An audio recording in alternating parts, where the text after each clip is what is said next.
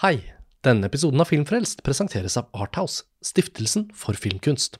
I 30 år har Arthouse reist rundt på filmfestivaler og håndplukket fantastiske filmer fra hele verden, som vi i etterkant får se på kino her hjemme i Norge. For eksempel Bong Yon-hos Parasitt, Celine Siammas Portrett av en kvinne i flammer og Michael Hanekes Amor. Og i fjor sikret Arthouse seg Ryusuke Hamaguchis Drive My Car på filmfestivalen i Cannes. Og den filmen kan dere se på kinoer over hele landet fra 4. februar.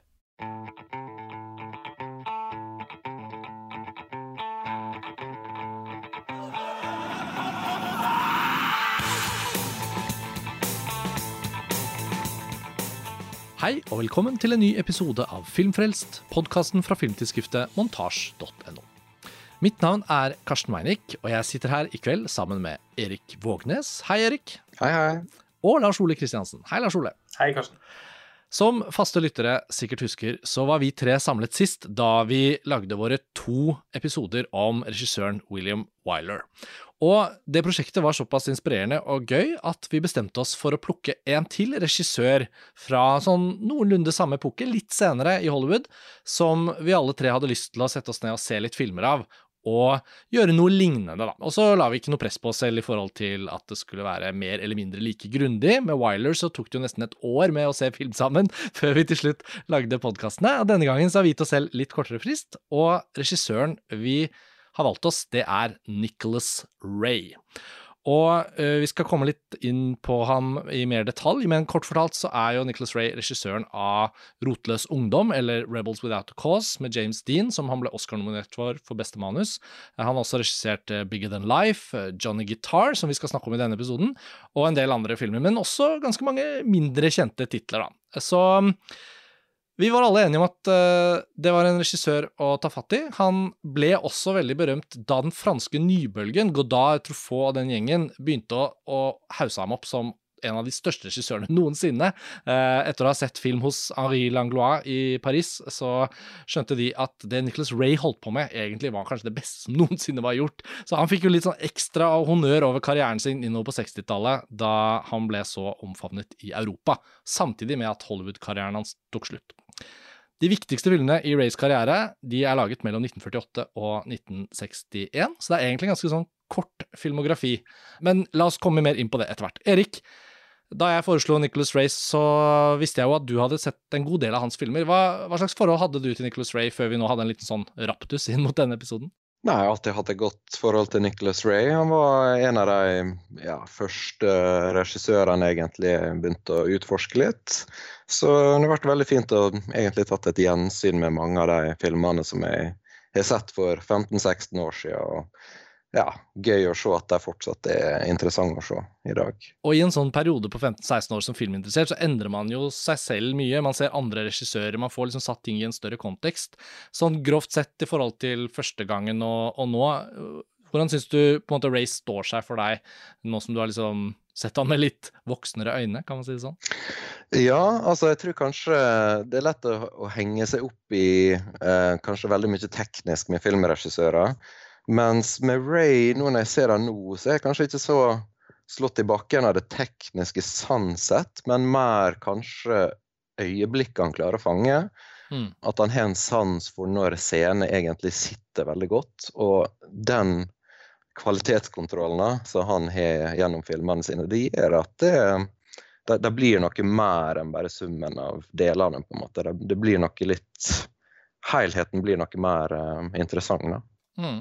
Og Lars Ole, for å gi ordet til deg. altså for i 2019 var det vel, eller rundt omkring sent i 2019, så så vi begge In a Lonely Place av Nicholas Ray, og ble ganske sånn slått i bakken av den filmen som ingen av oss hadde sett den gangen.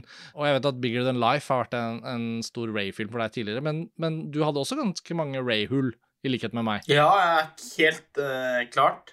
Så for meg har jo han uh, vært mer sånn Altså, det har vel snarere vært enkeltfilmer jeg har vært opptatt av enn hans filmografi, mm. og egentlig han som autør, selv om eh, jo flere filmer man ser, jo tydeligere blir det at han har en tydelig signatur. Kanskje ikke så mye som konsekvensstilistiske valg, apropos det du sier, Erik, men mm. at det er en energi i filmene. Eh, de er ofte litt sånn rasende.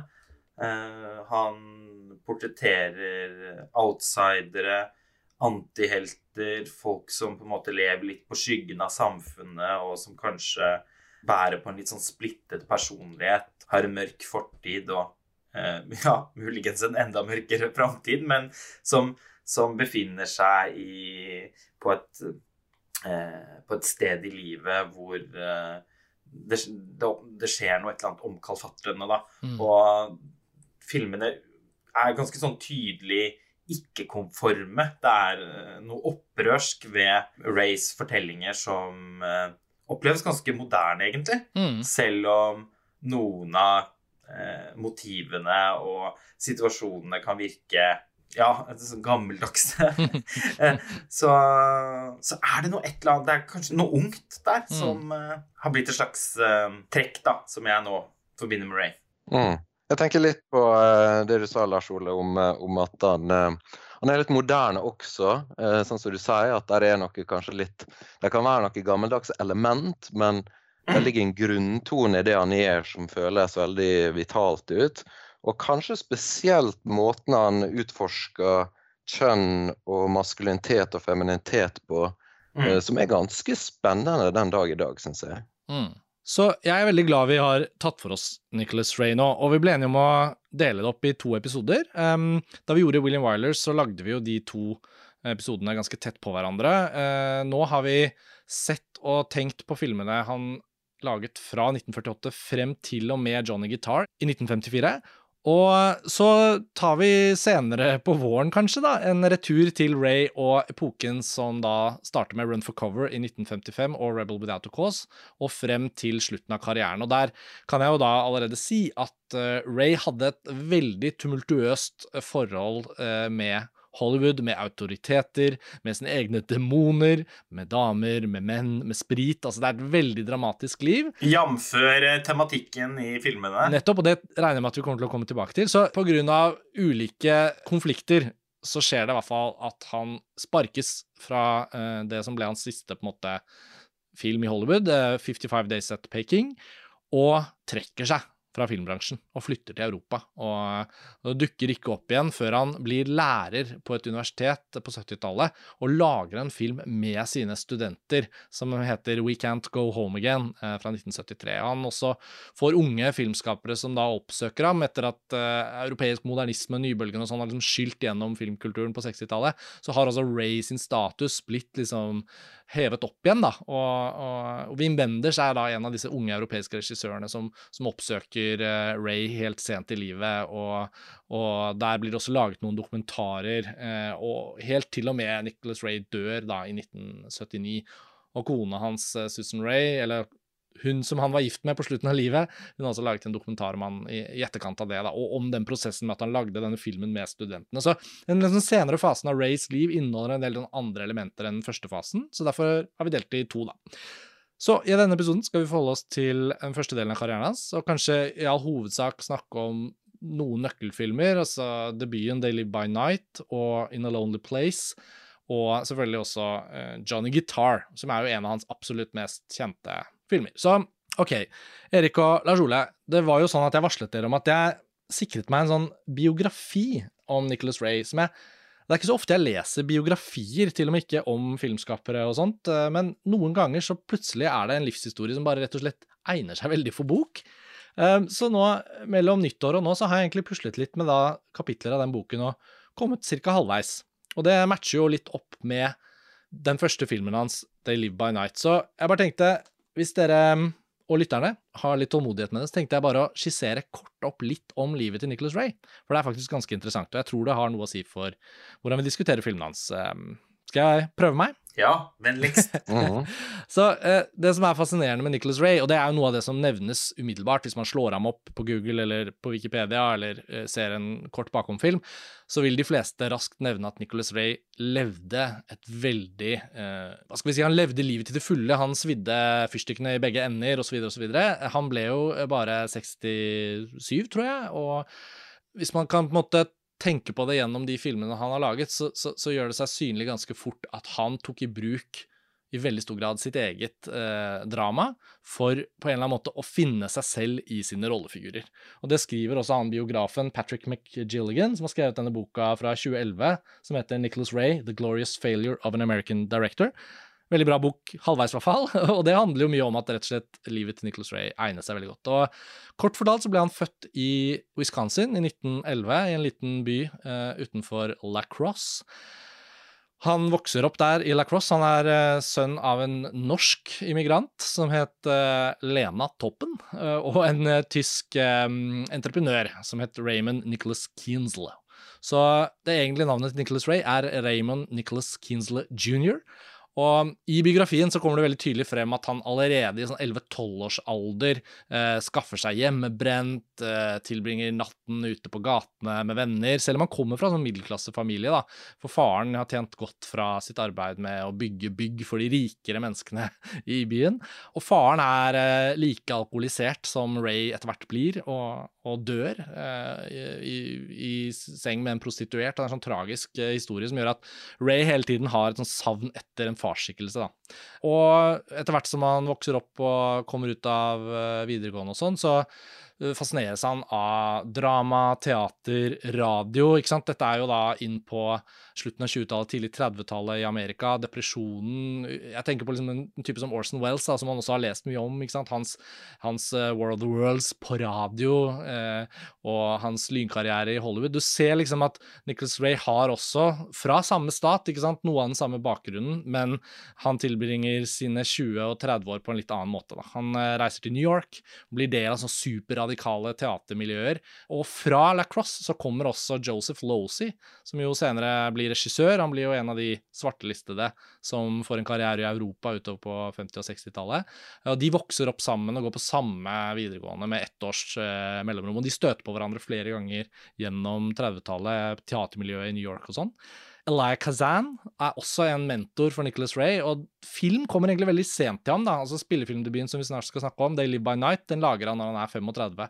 Så i de årene så møter han uh, sin første kone, Jean Evans, som er journalist i New York, får sitt første barn med henne, og er liksom del av et veldig radikalt venstreorientert miljø.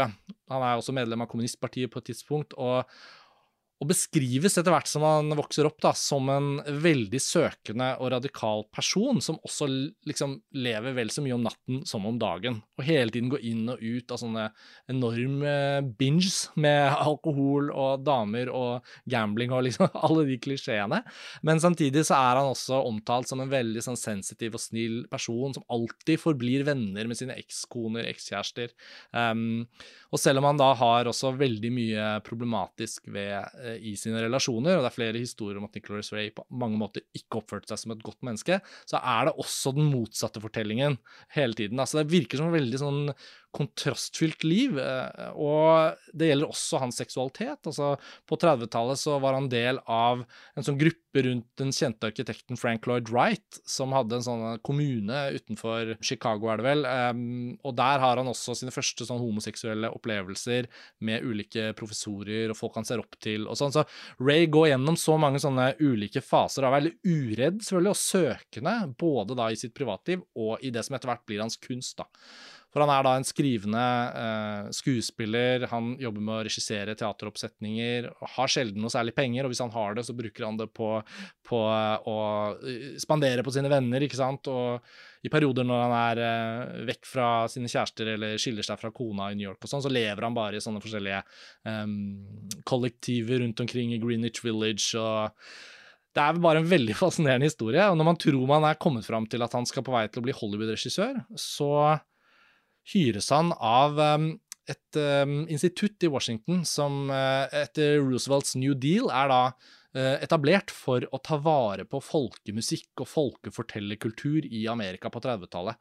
Så Nicholas Ray han ender opp med å reise rundt i Amerika over en periode på tre år mens han har denne jobben, og oppsøker da musikere, ikke sant, afroamerikanske musikere som kanskje er da første generasjon etter slaveriet, eh, eh, og, og, gjør opptak av dem og tar med opptakene til Nasjonalarkivet i Washington, begynner å kuratere og programmere inn folkemusikk i radioen, hvor han etter hvert får et program sammen med de andre som jobber der. Så Nicholas Ray tilbringer da flere år som en sånn radiovert som eh, kuraterer og tar vare på amerikansk folkemusikk folkemusikk. da. Woody Guthrie er en av de artistene som han da på en måte henter inn nærmest fra prærien og, og, og bringer til popularitet inn på 40-tallet. da. Og så så bomber jo japanerne Pearl Harbor, og da, selv om Ray ikke har blitt tatt opp i um, altså førstegangstjenesten, på en måte, sånn conscription, så, så er han da vervet inn i um, propagandaavdelingen til det amerikanske forsvaret, og, og, blir da ansvarlig for en sånn radiosending som skal sendes ut til alle mulige land for å promotere amerikansk og vestlig kultur i, i motstand til nazismen. Og i det miljøet så møter han denne John Houseman, som har jobbet tett på Mercury Theatre med Orson Wells, og produsert Citizen Kane, men så returnert til New York for å jobbe med radio og være en del av uh, propagandaavdelingen til Forsvaret. Og John Houseman blir da en sånn supersentral person for Nicholas Ray, som etter hvert tar ham da med til Hollywood på slutten av krigen, hvor uh, Ray begynner å gjøre assistentarbeid. Og Elia Kazan gjør da også sin første spillefilm, A Tree Grows in Brooklyn, hvor han tar med seg Nicholas Ray, som er hans gamle venn fra radikale teaterscenen i New York på 30-tallet. Og da begynner Ray for første gang å jobbe på filmsett, uh, og uh, skjønner etter hvert at egentlig er jo filmkunsten det stedet hvor alle hans kvaliteter og, og det han kanskje søker etter, da møtes på ett sted. Så som skuespiller, som teaterinstruktør, som radiovert, som forfatter, så får han på en måte samlet alt det i filmen. Og dermed blir han i Hollywood. Og etter andre verdenskrig så er også John Houseman der, og han har en kontrakt hos RKO, studioet som uh, han lagde Citizen Kane hos. Og sakte, men sikkert så viser det seg at det byr seg en mulighet for Nicholas Ray til selv å lage en film, istedenfor å være assistent for andre. Og det bringer oss da til They Live By Night, som er hans spillefilmdebut.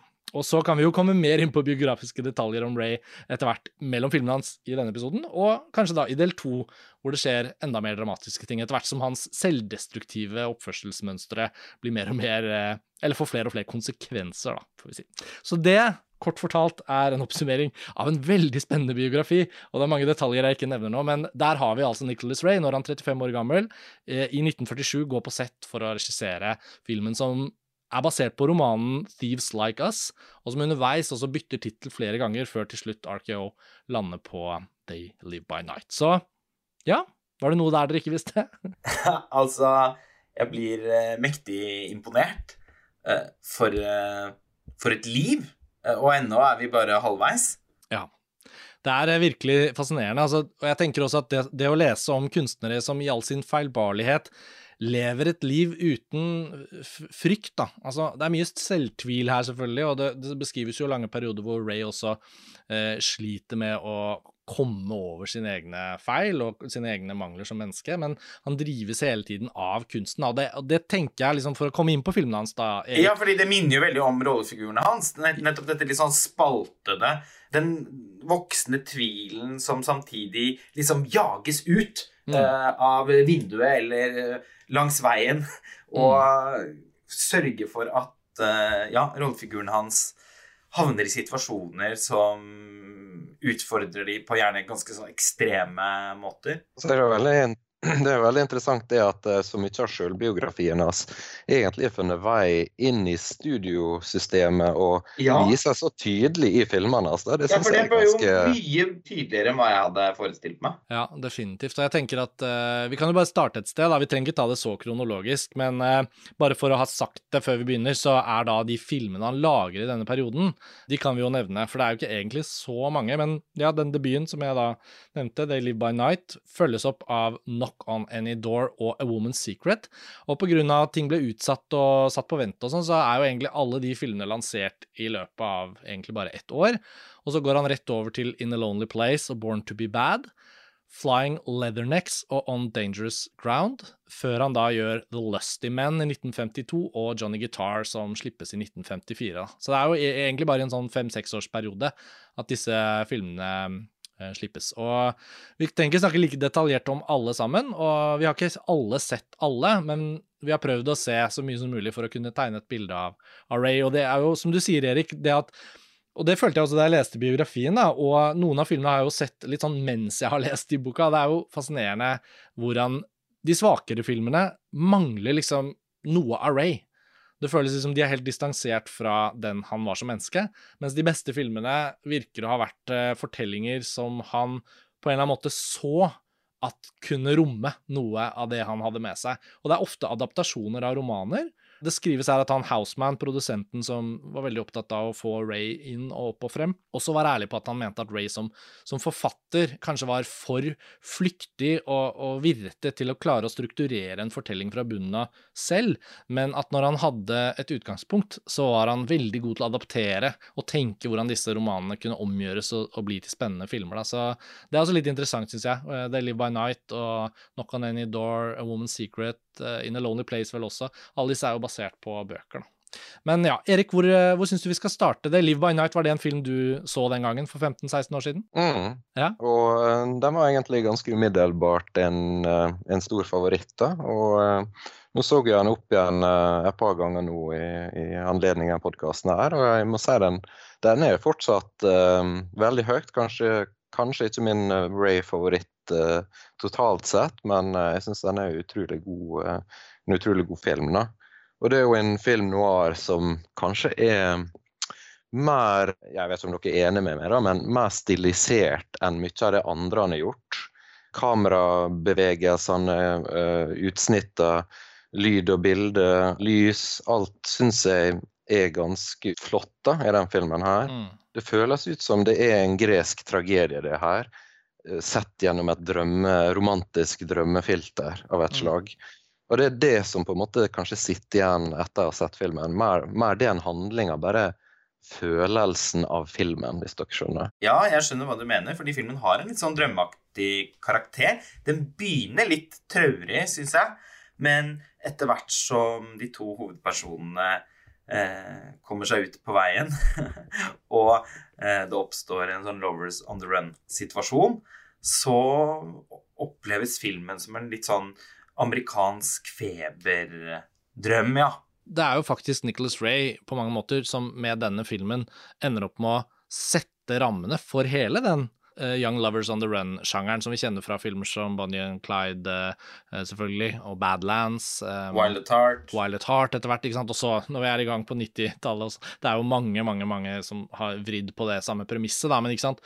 Plottet her er jo da en ung kriminell som kanskje egentlig ikke har gjort det han har sittet i fengsel for. Han rømmer sammen med to eldre fanger og skal rane en bank og liksom få seg, få seg noe å, å, leve av eh, som rømling.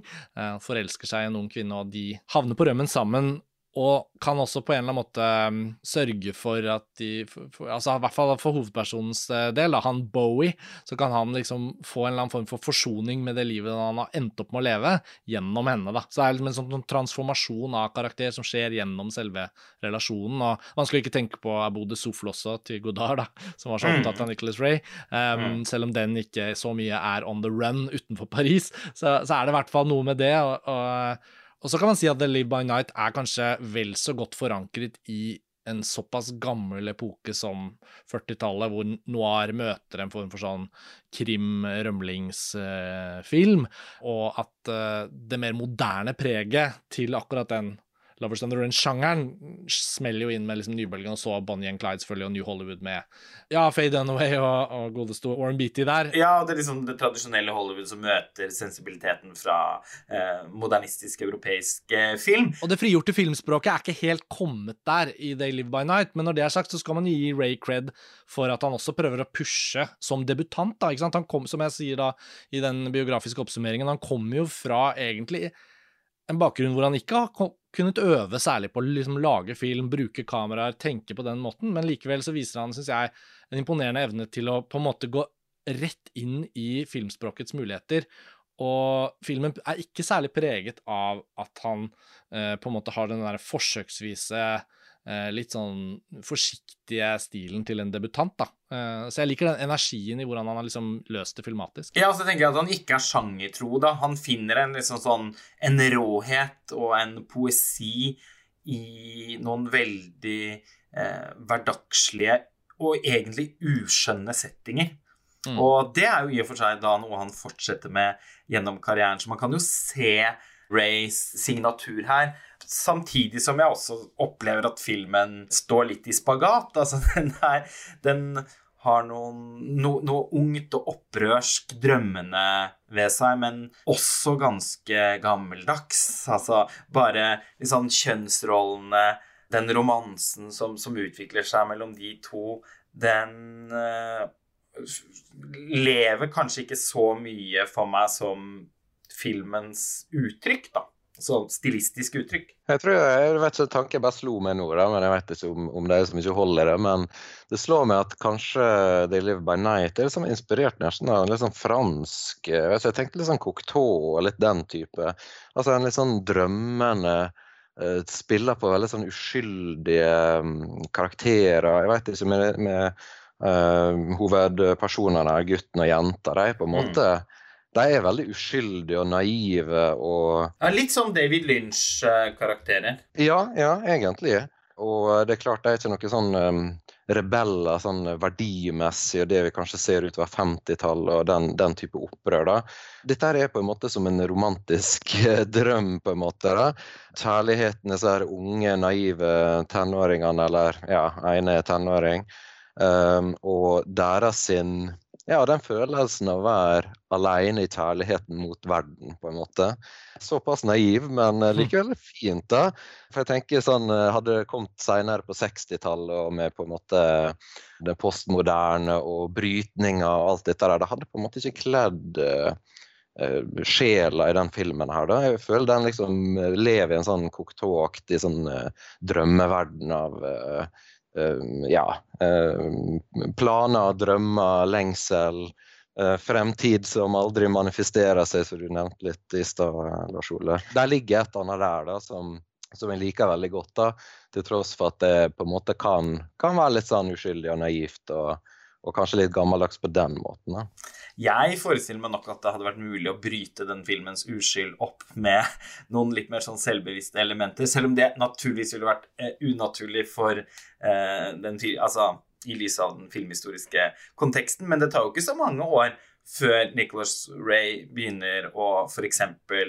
Eh, inkludere veldig campy trekk i filmene sine, ikke minst da i Johnny Guitar, som vi skal snakke om etterpå. Men han, beve han beveger seg eh, ganske raskt videre på en måte filmatisk da, fra i Live by Night, og det er også det som er så spennende med at han har en sånn kort og intens karriere, egentlig. Fordi han, han går jo gjennom egentlig veldig mange utviklingstrekk som filmskaper, syns jeg, i løpet av disse filmene, som også gjør det litt sånn ekstra spennende å velge ham som regissør, sånn som vi litt har gjort nå her. da. Det er jo ikke alltid det lykkes så godt i noen tilfeller. Altså Enkelte faser til og med av Wilers karriere, så, så sakker jo alt litt ned. Og han levde jo ikke et så dramatisk liv etter etter han var ferdig med å behandle andre verdenskrig i livet sitt, f.eks., så roet han seg jo litt ned og, og var liksom på toppen av haugen i Hollywood. Og da, da, blir det jo noe litt annet som liksom gir energi til den eventuelle utviklingen han får som filmskaper. Mens med Ray så var det som om han, hele livet hans var som sånn tuppen av en fyrstikk idet den tennes, på en måte. Og jeg tenker jo at uh, They Live By Night den, i hvert fall i, i, som et ekko inn i andre hans film, syns det er veldig tøft å se. Og det står også i biografien om at han, han veldig raskt liksom begynte å, å trekke da uh, studioarbeidere hos RKO inn i en liksom måte å lage film på som han ville definere uten å være veldig autoritær. Altså, snakket med fotografen og bare sa med en gang vi skal ikke skyte det helt vanlig. Åpningsshottet etter en sånn for den drømmeaktige stemningen, Erik, den settes jo av den der første tittelplakaten, det nærbildet av de to, og den teksten 'This boy and this girl were never properly introduced to the world we live in to tell their story'. Mm. Ja, det er sånn Violet Heart-aktig grep, apropos Lynch igjen. Ikke sant? Mm. Og så plutselig kutter vi rett inn in medias res i actionscenen hvor de tre fangene da er på rømmen. Og da ser vi et av Hollywood-historiens aller første helikoptershots, hvor Ray har bestemt seg for at den åpningen, som ikke var skrevet på den måten, skal skytes med kamera fra helikopter. Du får denne spesielle energien.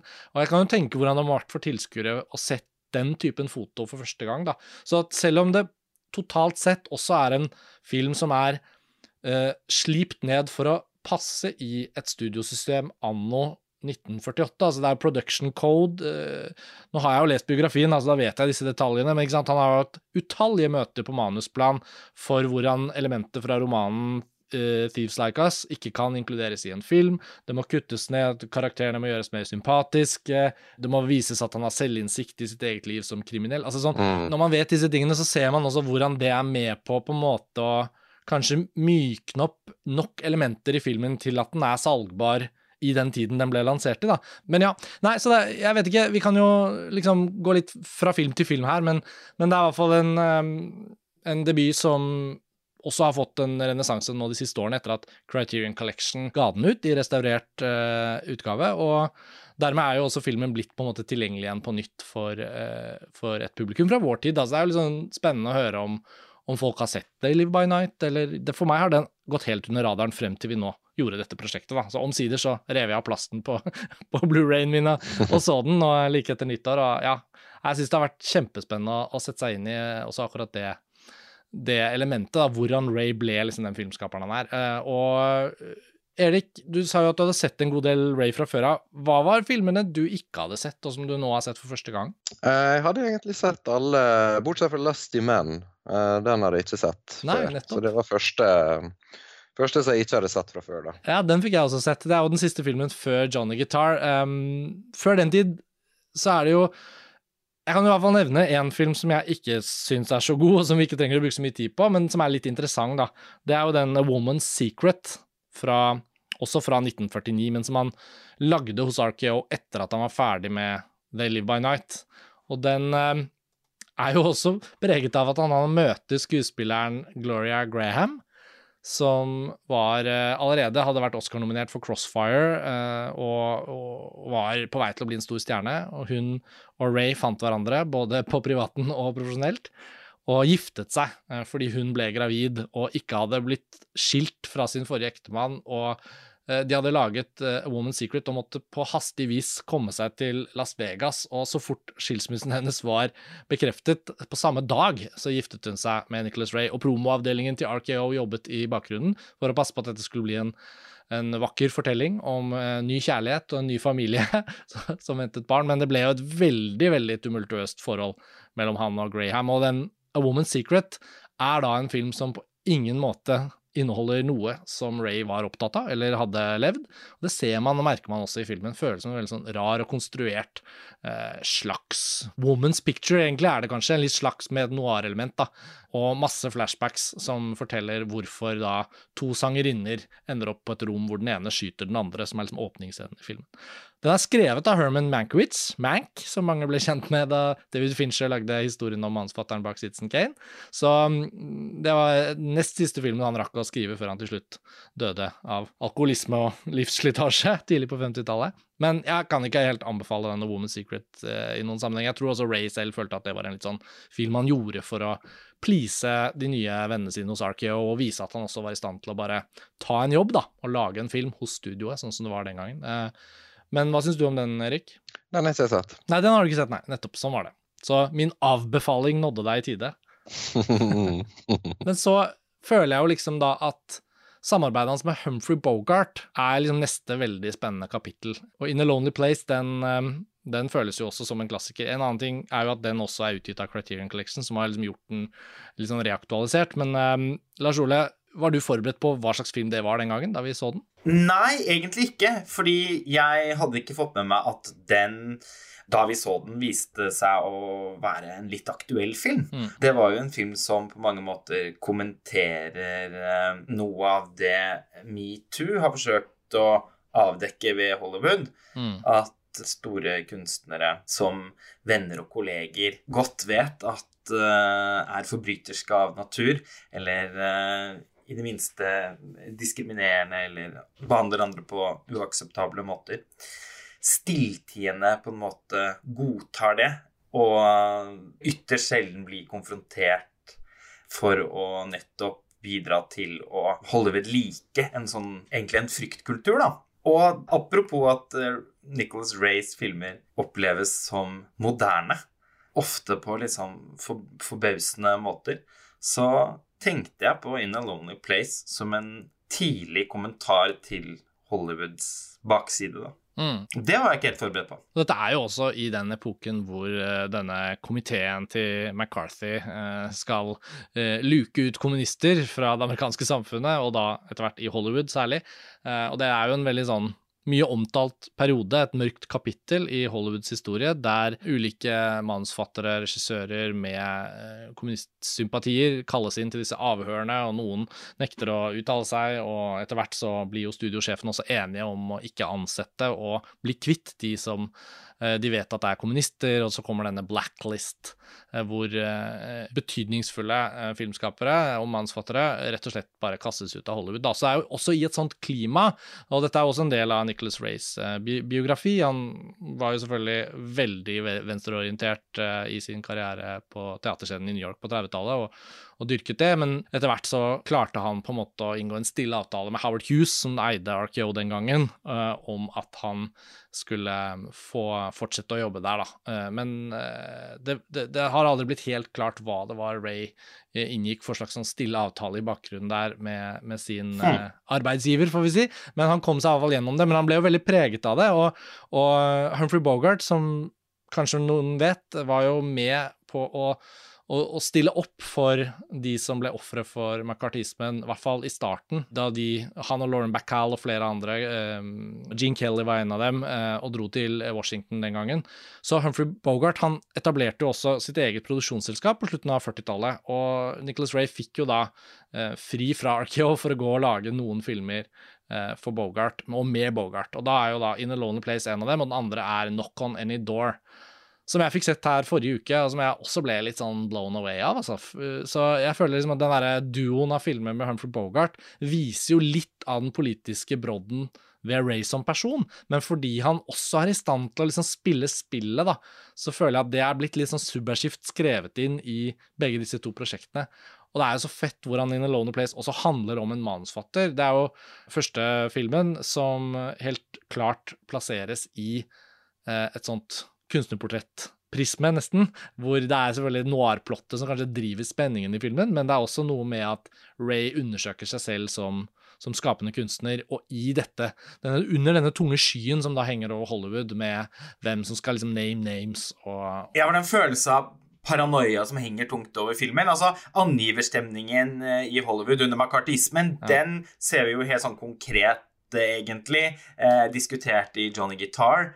Men den er naturligvis, som du, sånn som du beskriver, også til stede her, selv om det jo egentlig da er portrettet av den eh, både litt sånn mystiske, innadvendte, men talentfulle, forlokkende, potensielt farlige kunstneren som står i, i sentrum her. Da, og det noir-plottet blir jo mest av alt en slags sånn rammefortelling Dix eh, heter jo uh, han hovedpersonen som uh, da er spilt av Humphrey Bogart.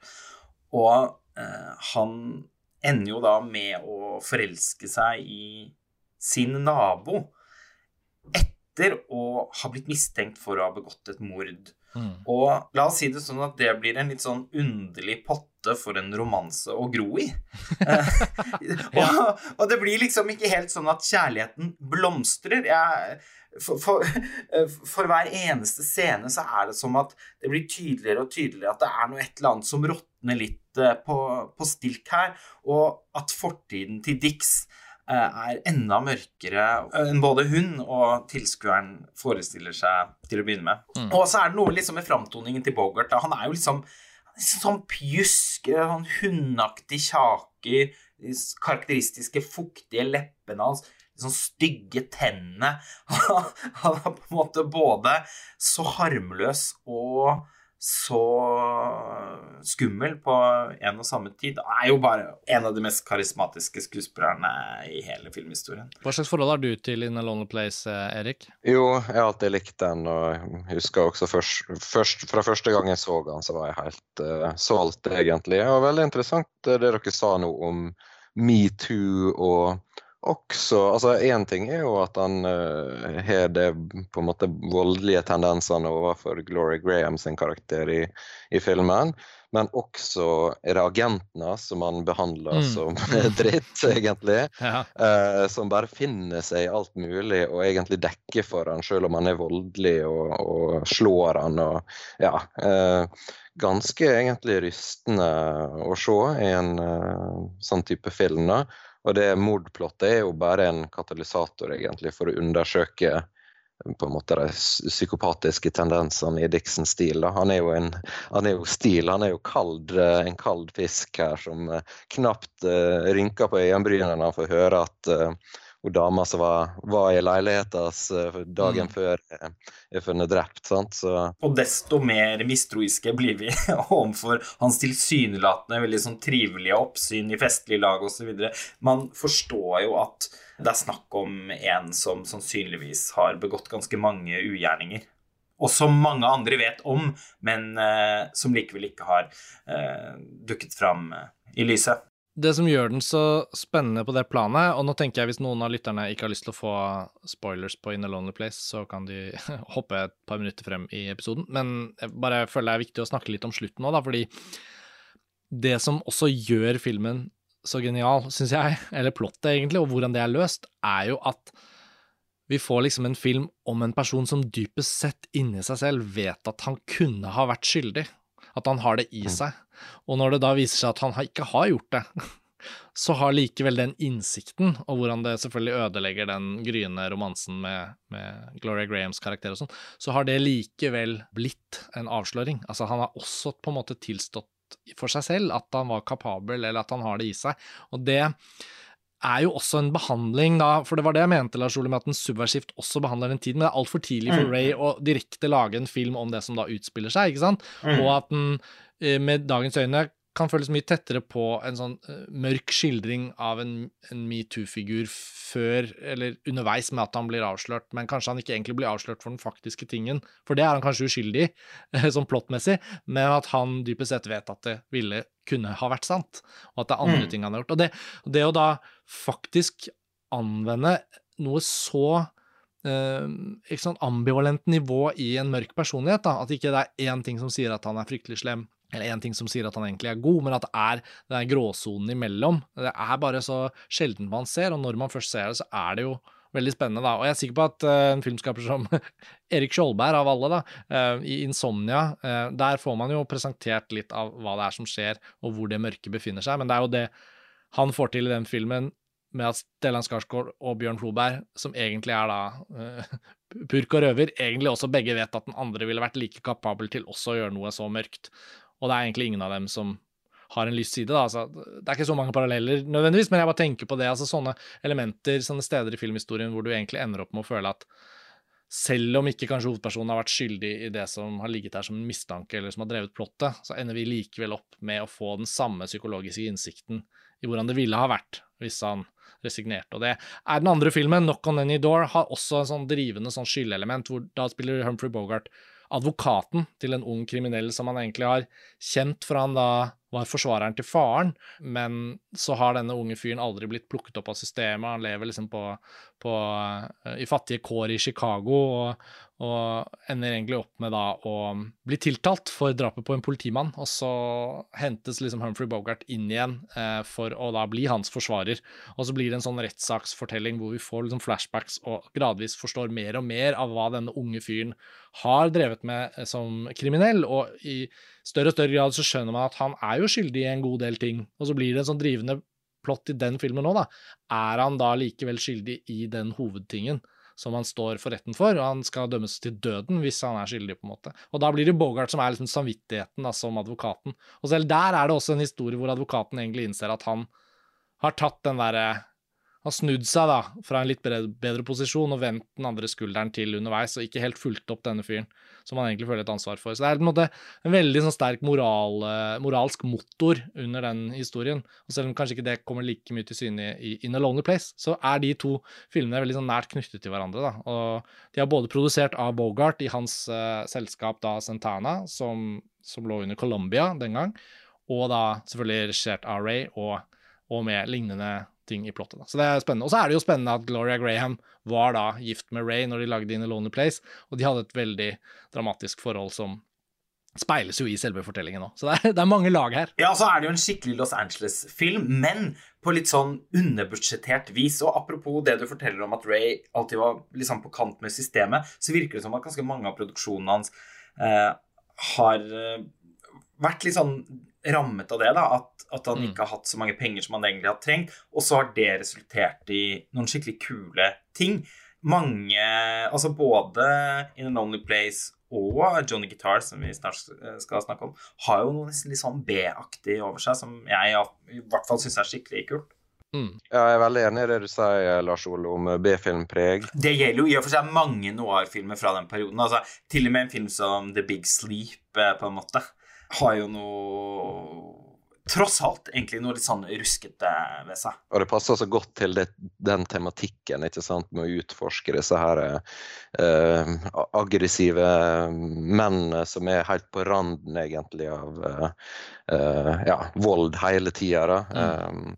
Dette litt røffe uttrykket. Og det er litt uh, en egentlig grei overgang til den On Dangerous Ground som han laga etter uh, In Lonely Place. Det var kanskje noen filmer imellom, uh, vil jeg tro? Ja, altså han, han, lagde den Born to be Bad også, med Joan Fontaine og Robert Ryan. Og Robert Ryan spiller jo også hovedrollen i 'On Dangerous Ground, tror jeg. Den er jo en av de få jeg ikke har fått sett, så jeg er veldig spent på å høre fortelle om den, Erik. Men ja, altså han gjør jo ferdig den RKO-kontrakten sin med On Dangerous Ground. i hvert fall. Og det er jo, um, når jeg så den her for første gang, så husker jeg bare den som Snø Noir, uh, som er ganske interessant. og bare kort fortalt da, så handler det her om en, um, en uh, voldelig politimann. Uh, og det er jo litt sånn likt det vi snakka om tidligere her, men en voldelig politimann i hvert fall som som eh, Ja, eh, vi kjenner igjen egentlig i seinere tid også i sånn Bad Lieutenant-aktig figur. Som hater på en måte forbrytere. Og så tøyer strikken veldig langt når det gjelder avhør og bruk av vold. um, så han prøver å oppklare et drap her. og um, det er Robert Ryan som har noe mørkt ved seg, som disse her eh, tidligere Ray-karakterene og hele tida på en måte må tøyle seg sjøl for å ikke gå altfor langt og faktisk ta livet av uh, enkelte som man avhører. Og så, eh, på jakt etter morder, da, så, så eh, havner de ut på landet. Og i huset til en karakter spilt av Aida Lupino, som spiller blind. Som da er ute i snø, snødekte, på en måte litt sånn bondeaktig miljø. da. Uh, og her leter de faktisk etter broren til uh, Lupino i, i filmen. Uh, en litt sånn uskyldig gutt som, som er rota seg opp i et drap. Mm. Så, så det er mye bra i On Dangerous Ground, og Bernard Herman lager soundtracket. Og jeg skjønner hvorfor jeg likte den veldig godt første gangen. Det var en av favorittene mine første gang jeg så den. Men når jeg så den opp igjen nå, så det føles ut som to-tre filmer som spriker i ulike retninger, som gjør at det, den kanskje ikke føles helt sånn helhetlig ut. da. Men uh, den er vel verdt å se. Um, men uh, ja, det, det, føles ut som første halvdelen er jo i byen med det, den type setting, og andre halvdelen er ute uh, ut etter snødekte landskapet. Og det er noe med Robert Ryan som er liksom den uh, tøffe, og så myknes da når han møter Aida Lupino, som er sånn uh, veldig uskyldig, blind. sant? Uh, disse kontrastene der, så kan kanskje bli litt sånn forenkla på en måte. Men, men den, er, den, er, spennende og vel verdt å se, vil jeg si. Ja, det er jo også litt imponerende da at i denne perioden så er jo også Ray veldig produktiv, samtidig som han lever et veldig destruktivt liv. Så jeg er nesten litt sånn imponert, og etter hvert så kommer jo da historiene frem når man leser om de ulike produksjonene, at Ray i mange tilfeller da begynte å miste litt tak når han var på sett. Ikke sant? At han plutselig ikke dukker opp. Og, og det er jo også rykter som kanskje ikke har blitt bekreftet helt, men Ida Lupino uh, var jo også selv regissør, og skal visstnok ha rykket inn og gjort noen scener på Undangerous Ground da Ray ikke dukket opp. det er litt sånn Tube Hooper, Steven Spielberg, Poltergeist-situasjon. Ja, Om ikke på akkurat denne produksjonen, så er jo historien i hvert fall om den siste, da, som gjorde at Ray også avsluttet sin Hollywood-karriere. Så ble han jo rett og slett eh, sparket, da. Eh, men den 55 Days at Paking fra 63, den har jeg ikke sett, og jeg har ikke kommet til det punktet i biografien, så det får vi ta i del to av Nicholas Ray-episoden vår. Men, eh, men det er jo ingen tvil om at han er ute av stand til å holde sitt eget liv flytende i en eller annen form for harmoni. Og det gjør det jo desto mer imponerende at han egentlig også skaper veldig sånn helhetlige, ofte veldig vakre og gjennomtenkte filmer. Da. Det er noe med at han på sitt beste her så velger han jo prosjekter som virkelig handler om noe, og som behandler en tematikk som, når vi vet hva han var gjennom i livet sitt, også har dette med at han behandler sine egne traumer og sine egne ting, men da er det liksom ikke fem års refleksjon bak hver film. Han går jo og ser ut til å lage dem hvert eneste år i den perioden tidlig på 50-tallet. Jeg syns det i seg selv er litt imponerende. The Lusty Men, som du nevnte, Erik, da, den har jeg også fått sett da, fra 52 der, som lever opp til Johnny Guitar. Og det er også en veldig imponerende, og på mange måter syns jeg en veldig vakker film, for den tar seg enda litt mer tid og frigjør seg fra kanskje de litt mer sånn noir, krimplott-pregede filmene som vi har vært innom til en viss grad nå. Uh, The Lusty Men blir jo en veldig sånn uh, Mer en sånn åpent landskap-fortelling. Likte ikke du også den ganske godt? Jo, jeg gjorde det. Jeg syns den var veldig god. Uh, det er jo um, Robert Mitchum som spiller en sånn rodeo uh, Tidligere rodeo-utøver um, mm. som, som, skader seg da, og som må gi opp den karrieren. Og så møter han et par som egentlig lever et litt sånn kjedelig A4-liv. Og overtaler da mannen til å bli rodeo-utøver. Og det er jo veldig farlige ting de driver med her. Og ja, det er en ganske interessant sånn, utforskning av egentlig uh, de forholdene, det, det trekantdramaet som oppstår mellom dette her uh, gifte paret og så han Robert Mitchum. Og, uh, jeg syns det, det, er en veldig interessant film, egentlig. Og noe så ikke for å trekke altfor spesielle tråder, men jeg er veldig, veldig, glad i Pasolini. Og det er noe med Jeg vet ikke om dere har sett Teorema. Jo. Denne her figuren som kommer utenfra og snur opp ned på et liv. Mm. Uh, den, den, er veldig til stede i The Lusty Man. Uh, Mitchum som er på, på, en måte en sånn farlig outsider som kommer og røsker opp i det trygge. Der er noe spennende der uh, som jeg syns funker veldig godt i den filmen. der. Ja, jeg syns valget av et miljø, da, hele den rodeo-kulturen han det får meg til å tenke på den epoken fra livet hans hvor han da er ute i det amerikanske landskapet på 30-tallet med lydopptaker for å liksom fange opp eh, folkemusikk, folkekultur. Altså at, eh, Ray har liksom vært around da, og vokst opp i Wisconsin og kjent på liksom det amerikanske landskapet. Og det er jo noe som litt mangler, ikke i They Live By Night, for der er det jo en del Det er jo en roadmovie på mange måter. Men i løpet av den serien av filmer på 50-tallet der, så opplever jeg litt at han ikke helt får tatt det i bruk, da. Og da våkner jo det virkelig til liv i The Lusty Men, som leder opp til Johnny Guitar, hvor det virkelig får, får fargelagt seg. Det er jo den første fargefilmen hans, men The Lusty Men er jo også et et ganske sånn dystopisk maskulinitetsportrett. Mm. Og der syns jeg også Ray er kanskje nesten litt sånn un undervurdert, uh, i hvert fall i hans tidlige karriere. Og så blir det jo veldig fremtredende i Rotløs ungdom, i Bigger Than Life og sånn, som vi skal komme tilbake til i den andre episoden eh, senere på våren. Men um, jeg syns uh, The Lusty Men er egentlig litt en nøkkelfilm som kanskje går litt under radaren, for den indikerer jo Rays nysgjerrighet på disse mannsfigurene. Og det er jo hans eget liksom eh, savn som jeg føler kommer til uttrykk når han portretterer noe så aktivt, på en måte maskulint og, og værhardt som å ri disse ville hestene eller disse ville oksene, og, og, og det å liksom Eh, kontrollere et udyr. Det er jo også Rays indre kamp, da. Jeg, jeg, jeg, klarte ikke å ikke lese det inn i den filmen, og syns det var litt sånn rørende at han også tar seg så veldig mye tid når de sekvensene først skjer.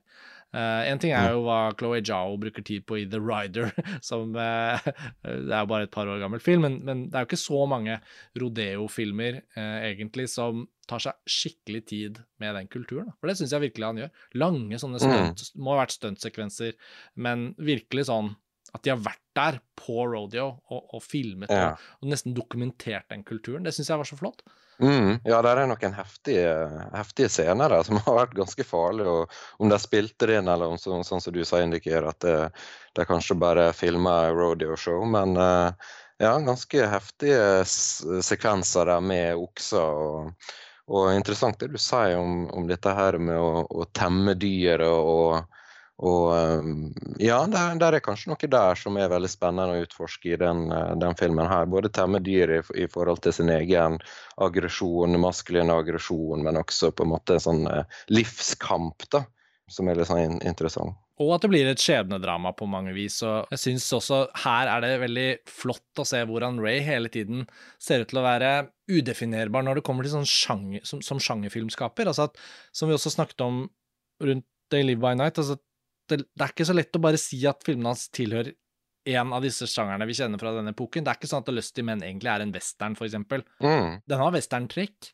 men den blir liksom også en litt annen film enn det vi er kjent med fra western sånn typisk. Og så føler jeg jo ofte at uh, det man kanskje fordi vi ser det uh, på en måte 70 år senere, da, så er det lett å tenke at, uh, at det er på en måte periodefilmer. Men det er jo, mange av dem er jo ikke det. Altså, de er jo på en måte kontemporære, flere av dem. Eller veldig tett på sin tid. Og det syns jeg, selv om sånn som Johnny Guitar, da, som blir naturlig å kanskje gli rett over på nå, den, den er jo selvfølgelig en, mer en western, kanskje, enn The Lusty Men er det. Og den er jo en periodefilm, men den, den, den blir også veldig sånn moderne i forhold til en del av de andre filmene han har laget, også fordi den klarer å tilføre det sjangerelementet ved filmen noe annet noe som skiller den fra det du kanskje anslår at western så ut som den gangen, da, i 1954, Mm. da den kom. Så, eh, og den eh, Lars Ole, eh, både du og jeg har da sett Johnny Guitar for første gang nå, eh, i anledning innspurten mot denne episoden, og vi har jo begge visst at det har vært en klassiker, så det er jo litt sånn i sjangeren som vi av og til har vært innom på podkasten nå, da at vi liksom endelig fikk sett den kjente filmen. Men for meg var jeg, jeg synes, Altså, Johnny Guitar leverte så enormt. For meg var det bare en, en veldig betydningsfull filmopplevelse, og ikke minst nå som jeg har kunnet liksom bygge opp det eh, og følge Rays karriere fra starten av. Så ja. Ja, dette var virkelig noe å ta med seg videre. Det var jeg veldig forberedt på. For det er mange filmskapere jeg er begeistret for, som setter Johnny Guitar veldig, veldig høyt.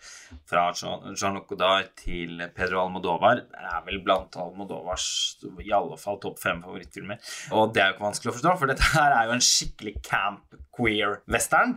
Eh, litt sånn tannflekkende kloskjærende, kattedyrsnerrende bitchfight eh, de ultralux i glorious, ikke technicolor, men true color, som begynner som noe ganske annet enn hva den utvikler seg til å bli.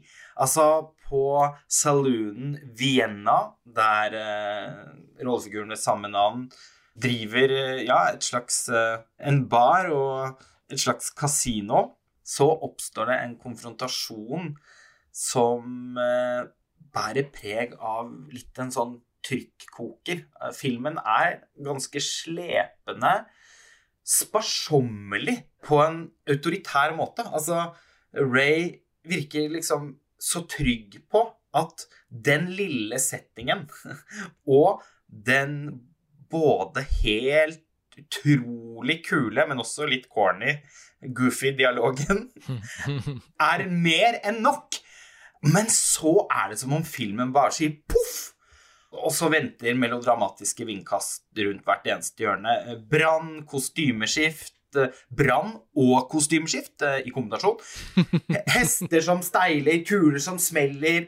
Eh, Den siste akten har noe nesten så febrilsk jagende kvalitet ved seg som Altså, dette var jo en kultfilm med stor K og helt eh, sinnssykt underholdende, i tillegg til å være superinteressant. På, på, på mange måter. Nevnte jo så vidt i stad at eh, deler av fortellingen kan ses som en algori for angiveri under makartismen i Hollywood. Og ja, det er ikke vanskelig å få øye på. Subtilitet er ikke noe Johnny Guitar eh, er opptatt av. Nei, det kan man si, men jeg synes også det, Jeg er jo enig i det du sier. Jeg opplevde filmen kanskje fordi jeg bare satt meg så veldig til rette med et stort alvor. For nå skulle jeg liksom se førstefasemesterverket til Ray, på en måte.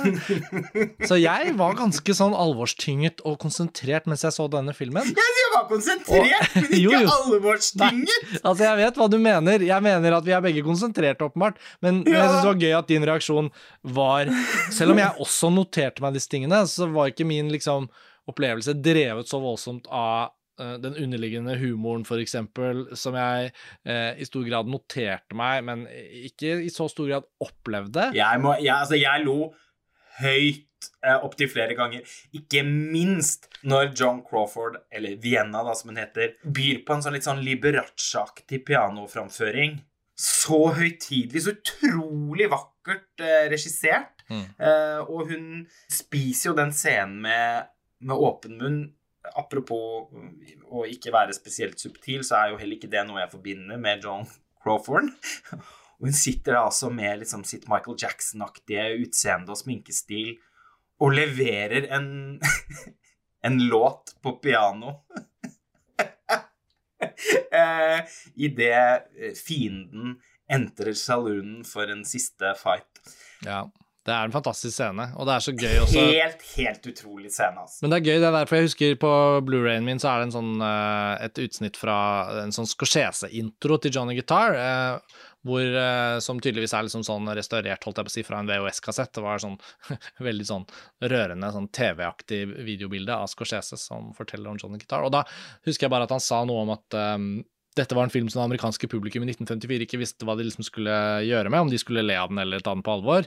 Eh, og det er jo litt av det vi nå er inne på, da, at det er litt sånn ulike måter å gripe an filmen. Men det var da de europe unge europeerne da, med Godard og alle kritikerne i Cayedu Cinema som så så mye, mye mer i denne filmen. da den subversive eh, tolkningen, altså undertekst i forskjellige nivåer, alt det. Stiliserte ble liksom en helt egen kvalitet som filmen kanskje ikke fikk noe honnør for i sin tid, men som også har gjort den til en tidløs klassiker. Og det er kanskje derfor også Nå skal den jo opp på cinematekene i, i Norge nå denne vinteren, og det er liksom det er lett å se i filmen nå som man ser den, hva det er som gjør at den skiller seg ut og blir en, en, sånn kultfilm, da, som den rett og slett har vært. Ja, for jeg tenker jo den er mer det enn en tidløs klassiker. Jeg tenker at det her jo, virkelig er en film som har sprengt seg fram, og som hadde veldig aktive supportere eh, allerede på, på 60-tallet, da, ja. men som nok likevel har sikkert brukt litt tid på å i alle fall bli forstått på noen av de måtene som er litt konsensus nå. Altså jeg, det, det, her er sånn film som jeg kan forestille meg at de på en måte kan eh, basere en challenge på i RuPaul's Drag Race. Eh, den konkurransedrevne reality-serien til Netflix som jeg i alle fall er veldig opptatt av. Og det er på en måte ikke noe tvil om eh, man skal i alle fall ikke legge mye godvilje til for å lese Vienna som, eh, som lesbisk. Og det gjelder jo da ikke minst også antagonisten Emma, som er en slags sånn Wicked Witch of the East eh, i, i, filmen, som har et temperament og en eh, eh, Altså en, en, preget av en, en, underliggende frustrasjon, som jeg tenker at det er en seksuell frustrasjon. Da. At det egentlig er en sånn forelskelse som, som oppstår mellom, eh, mellom disse to kvinnene. Ja, for alle følelsene i luften mellom de ulike karakterene er jo undertrykt. Så det er jo også så spennende hvordan det er gitt eh, et trekk til hver av de sentrale karakterene. Den samme Altså, han unge i den trioen av kriminelle virker jo også å ha et slags sånt uh, Altså, han trekkes mot det moderlige på en erotisk mm. måte mot uh, Vienna. Og så er det jo Sterling Haydens karakter, altså tittelkarakteren, Johnny Guitar, som har sine egne uh, demoner, og som også på en måte har et sånt undertrykt raseri, men det lades jo også med en litt sånn erotisk følelse mot Vienna, mens hennes Eh, på døden-konflikt med denne Emma. Det er jo sånn, det, Antagonismen renner jo nesten ut av bildene. Um, den er jo ladet, som du sier, med, med, noe mer, da. Og det er gøy også at hun skuespilleren um, Mercedes McCambridge, som spiller Emma, hun hatet jo Joan Crawford. ja, det har jeg også fått med meg, at det var masse krangler mellom de to. Det var jo veldig vanlig for Crawford, men jeg vet ikke om det var like vanlig for hun andre. Nei, det vet ikke jeg heller, men hun har beskrevet henne som en mean, tipsy, powerful, rotten egg lady. ja, så er det så bygge. Men Erik, altså, du har jo tatt et forhold til Johnny Guitar over lengre tid enn oss. Nå er jo vi litt sånn i, i beruselsen over å ha sett denne filmen for første gang.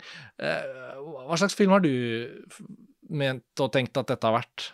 Nei, det er jo sånn som dere kommer inn på. Det er jo, det er jo blitt en slags kultfilm, da. Og, eh, og alltid skrudd opp til ti.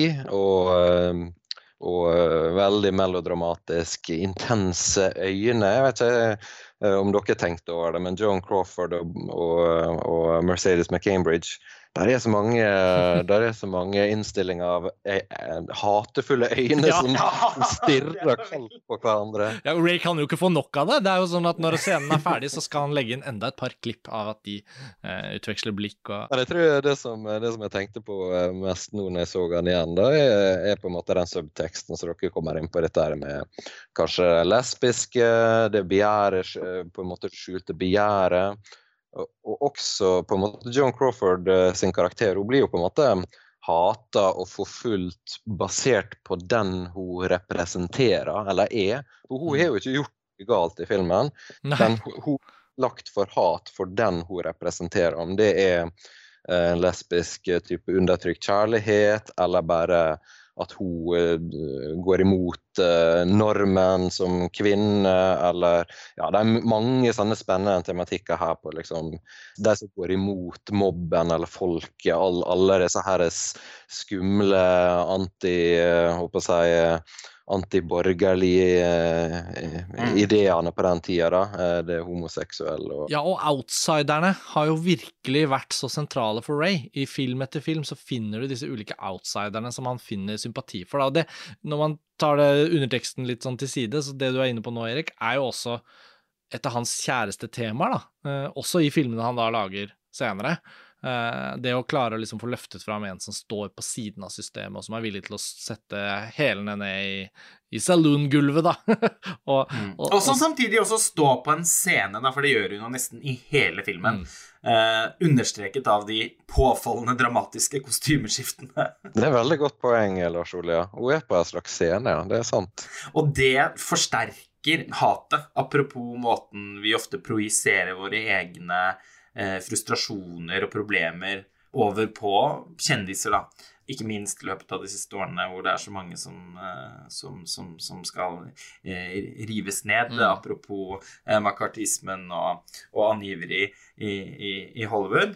Så i så måte kan man jo virkelig si at filmen diskuterer noe et eller annet som kanskje er litt, eh, ja, som du sa i stad, Karsten, tidløst. Mhm. Ja, det er mobbkultur nå er jo, det er jo i, i, i vår tid, selvfølgelig, funnet ulike former. Akkurat nå er det jo liksom Twitter-mobben eller internettmobben, om det er for å kansellere noen, eller om det er for å eh, Kan jo tenke på alt Britney Spears har vært igjennom, og så er det ikke vanskelig Ja, ja, å trekke en linje fra henne til Vienna her, eh, så Det kunne vært veldig interessant å se for seg en remake av Johnny Guitar satt til eh, Twitter-tidsalderen.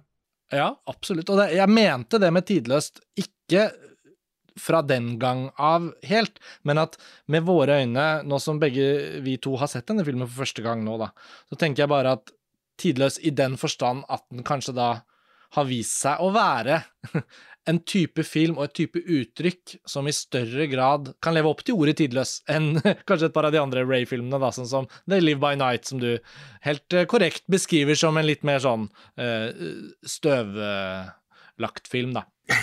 Ja, altså, den har noen rett og slett noen postmoderne kvaliteter ved seg, da. Og, altså, for den er jo ikke tidløs på en sånn måte som eksempel Barry Lyndon er. Eller Nei, nei, nei. nei. Jeg mener det vi Altså Almodovar-aspektet ved den, da, for å si det sånn. Yes. Ja, jo, men altså Jeg måtte bruke litt tid på å forstå hva du mente, men jeg tror jeg gjør det nå. Ja, ja men bra. Um, Erik, det er jo også overgangen fra svart-hvitt til farge da, hos Ray som filmskaper. Det er jo så fascinerende å bevitne her. Eh, eh, jeg tenker jo Technicolor, men du har rett, Lars Ole. True Color. Det var, jo, det var jo forskjellige brands av fargefilm som kjempet om oppmerksomheten den gangen. Men altså, for en film rent sånn visuelt, men også ned til da disse fargene og disse valgene av lyssettinger. Den er Det er nok den første Ray-filmen hvor jeg føler vi er vitne til en stor visuell filmskaper som virkelig kommer til sin rett. Da. Jeg, jeg, jeg ser jo at det er gjort i de andre filmene, og vi er jo inne på hvordan han forsker på filmspråket så tidlig som i The Live By Night, med eh, litt uvante utsnitt eller kamera i en uvant bevegelse, og at han liksom ønsker å pushe noen grenser her. Men jeg føler jo faktisk at det er i Johnny Guitar, og med farger, hvor man kan liksom nyte hva Ray er liksom kapabel til på et litt annet nivå, da. Og så har man jo bak øret at han at han gjør eh, Rotløs ungdom, som i enkelte partier har den samme kvaliteten, og Bigger Than Life, eksempel. Ja, for jeg føler veldig at den peker fram mot ja, særlig bruken av farge, da, Ja. og kostyme. I de, altså veldig sånn ekspressive, meningsbærende kostymer. Mm.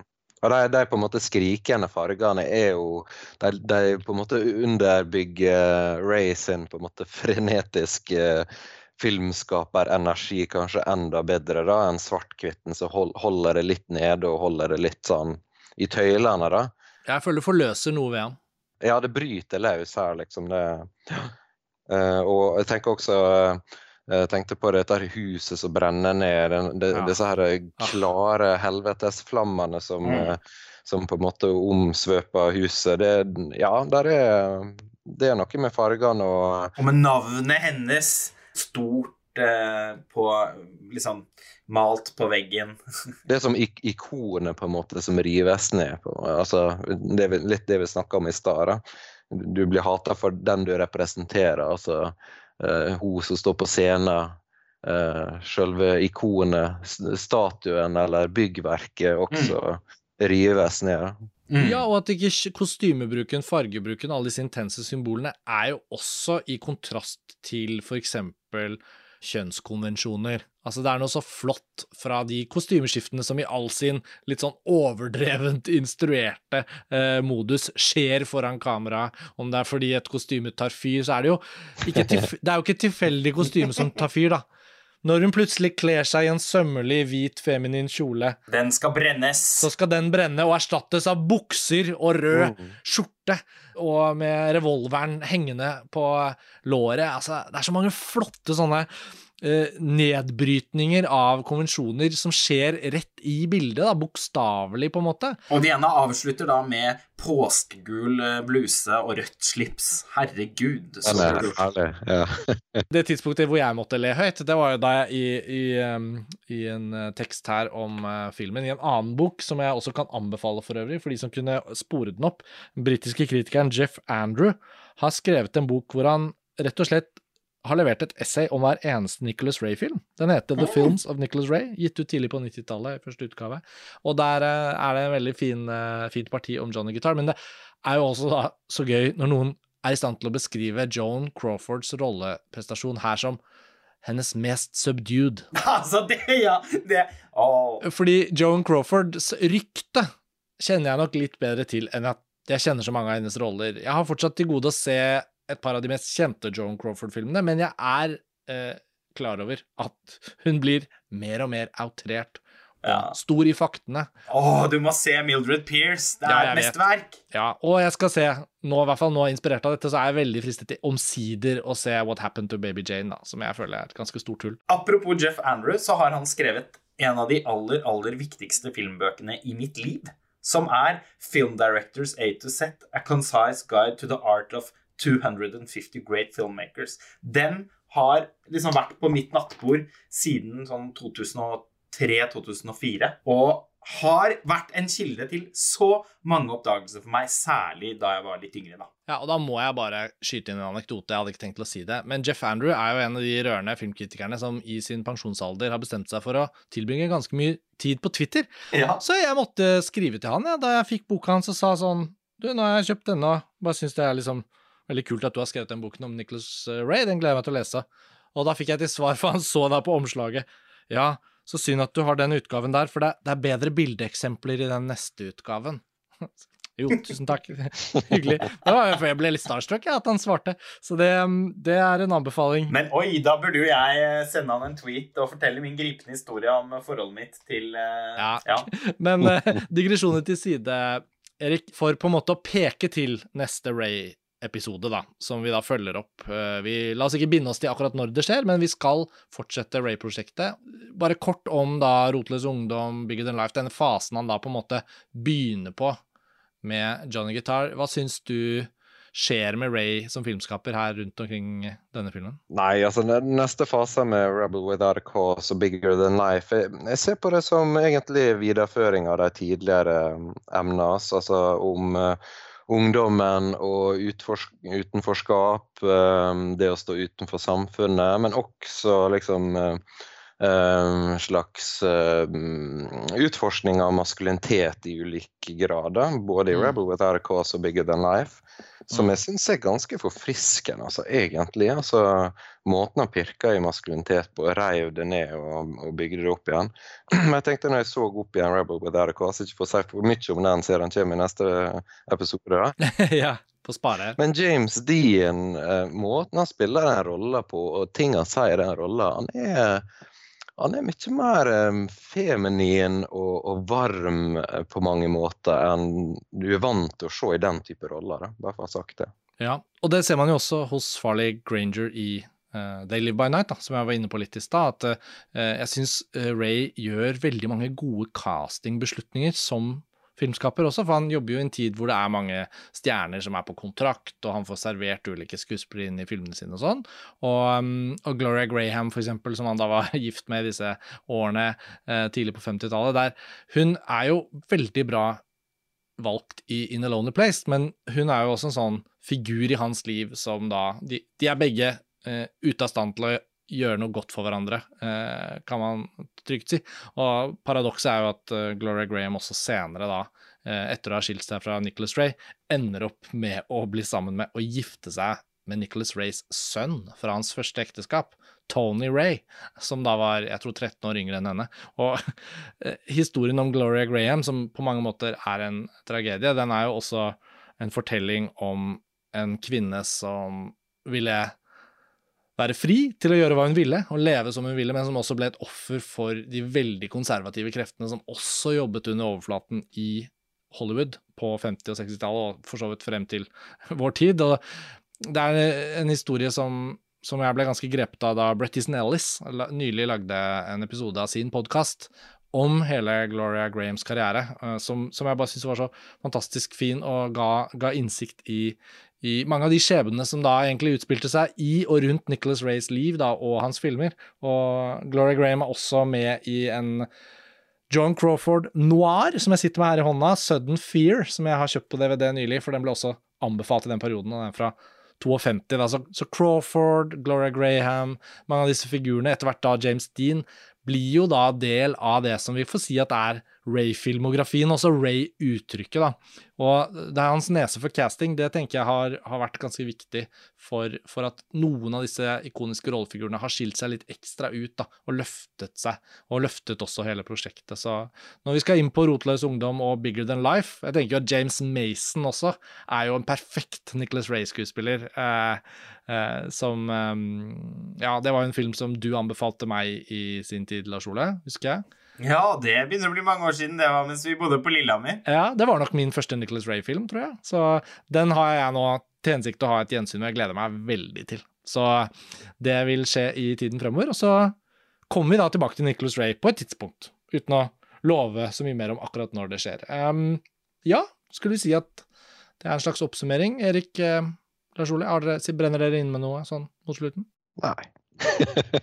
Nei. Nei.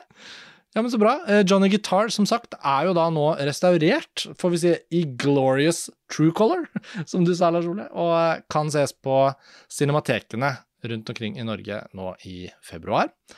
Og um, så får vi bare håpe at flere av disse andre Ray-filmene som har imponert oss, også enten blir satt opp da i ulike sammenhenger i, nå, i etterkant av denne episoden, sånn at uh, dere som hører på, får anledning til å se noe av dette på det store lerretet. Men um, som sagt så er det Criterion-utgivelser av både In a Lonely Place og The Live By Night, og strengt tatt har jo de fleste av disse filmene vært mulig å anskaffe. Den Knock On Any Door var ikke fullt så lett, men jeg fant den på franske Amazon på en Blu-ray de har gitt ut der. Så det meste har latt seg anskaffe. Det eksisterer en sånn spansk eh, DVD-boks med de tidlige RKO-produksjonene, som både du og jeg bestilte, i hvert fall. Så ja. til en billig penge. Den kan anbefales.